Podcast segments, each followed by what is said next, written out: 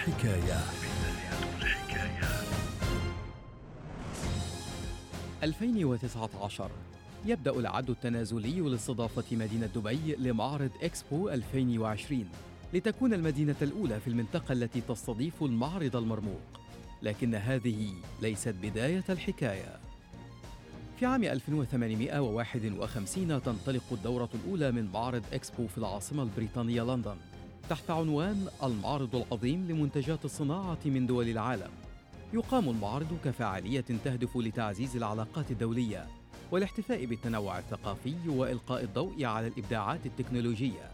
يحطم المعرض التوقعات ويزوره ستة ملايين شخص وتستخدم السلطات البريطانية إيراداته لتمويل بناء متحف فيكتوريا وألبرت وبعدها بأربع سنوات تستضيف باريس المعرض العالمي لمنتجات الزراعة والصناعة والفنون الجميلة ويقدم ابتكارات جديدة من بينها جزازة العشب والدمية الناطقة وأولى المركبات التي تدور بالنفط.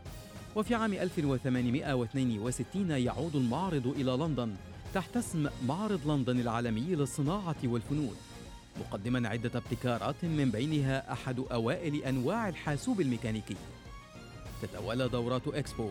وفي عام 1876 تستضيف فلادلفيا الأمريكية المعرض ليشهد تقديم أول هاتف في العالم على يد جراهام بيل وبتوالي الدورات يذهب المعرض إلى ملبورن الأسترالية في عام 1880 ويوفر للمدينة فرصا جديدة مكنتها من تطوير بنيتها التحتية وتأسيس أضواء كهربائية وهواتف ومصاعد وحينما قررت باريس إعادة المعرض إليها في عام 1889 قدمت للعالم برج إيفل ليكون رمزا رئيسيا للمعرض. ومن باريس في نهاية القرن التاسع عشر ومرورا ببروكسل ولويزيانا وسان فرانسيسكو وبرشلونة وشيكاغو ومونتريال ووصولا إلى ميلانو في عام 2015 شهدت دورات إكسبو عرض إنجازات البشرية. فن الطيران السلالم الكهربائية محركات الديزل وعجلات الملاهي العملاقة والأفلام الناطقة ونماذج محطات الطاقة النووية والحواسيب أذهلت معارض إكسبو العالم بهذه الابتكارات والاختراعات العلمية.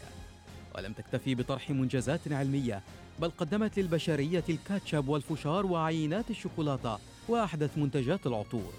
وبعد مرور 168 عاما على انعقاد أول إكسبو في العالم تحول الحدث إلى منصة تعرض إنجازات البشرية في الإبداع والابتكار. تمكن إكسبو من أن يتبوأ مكانة عالمية. تخطى عدد زواره كل دورة عشرات الملايين من الزوار حتى قدر عدد زواره منذ إنشائه في لندن في عام 1851 بأكثر من مليار شخص.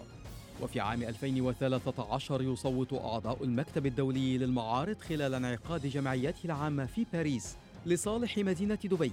لاستضافة إكسبو 2020 متفوقة على ساو باولو البرازيلية ويكترنبرغ الروسية وإزمير التركية لتصبح دبي بذلك أول مدينة في الشرق الأوسط تحظى بشرف تنظيم الإكسبو. بداية الحكاية.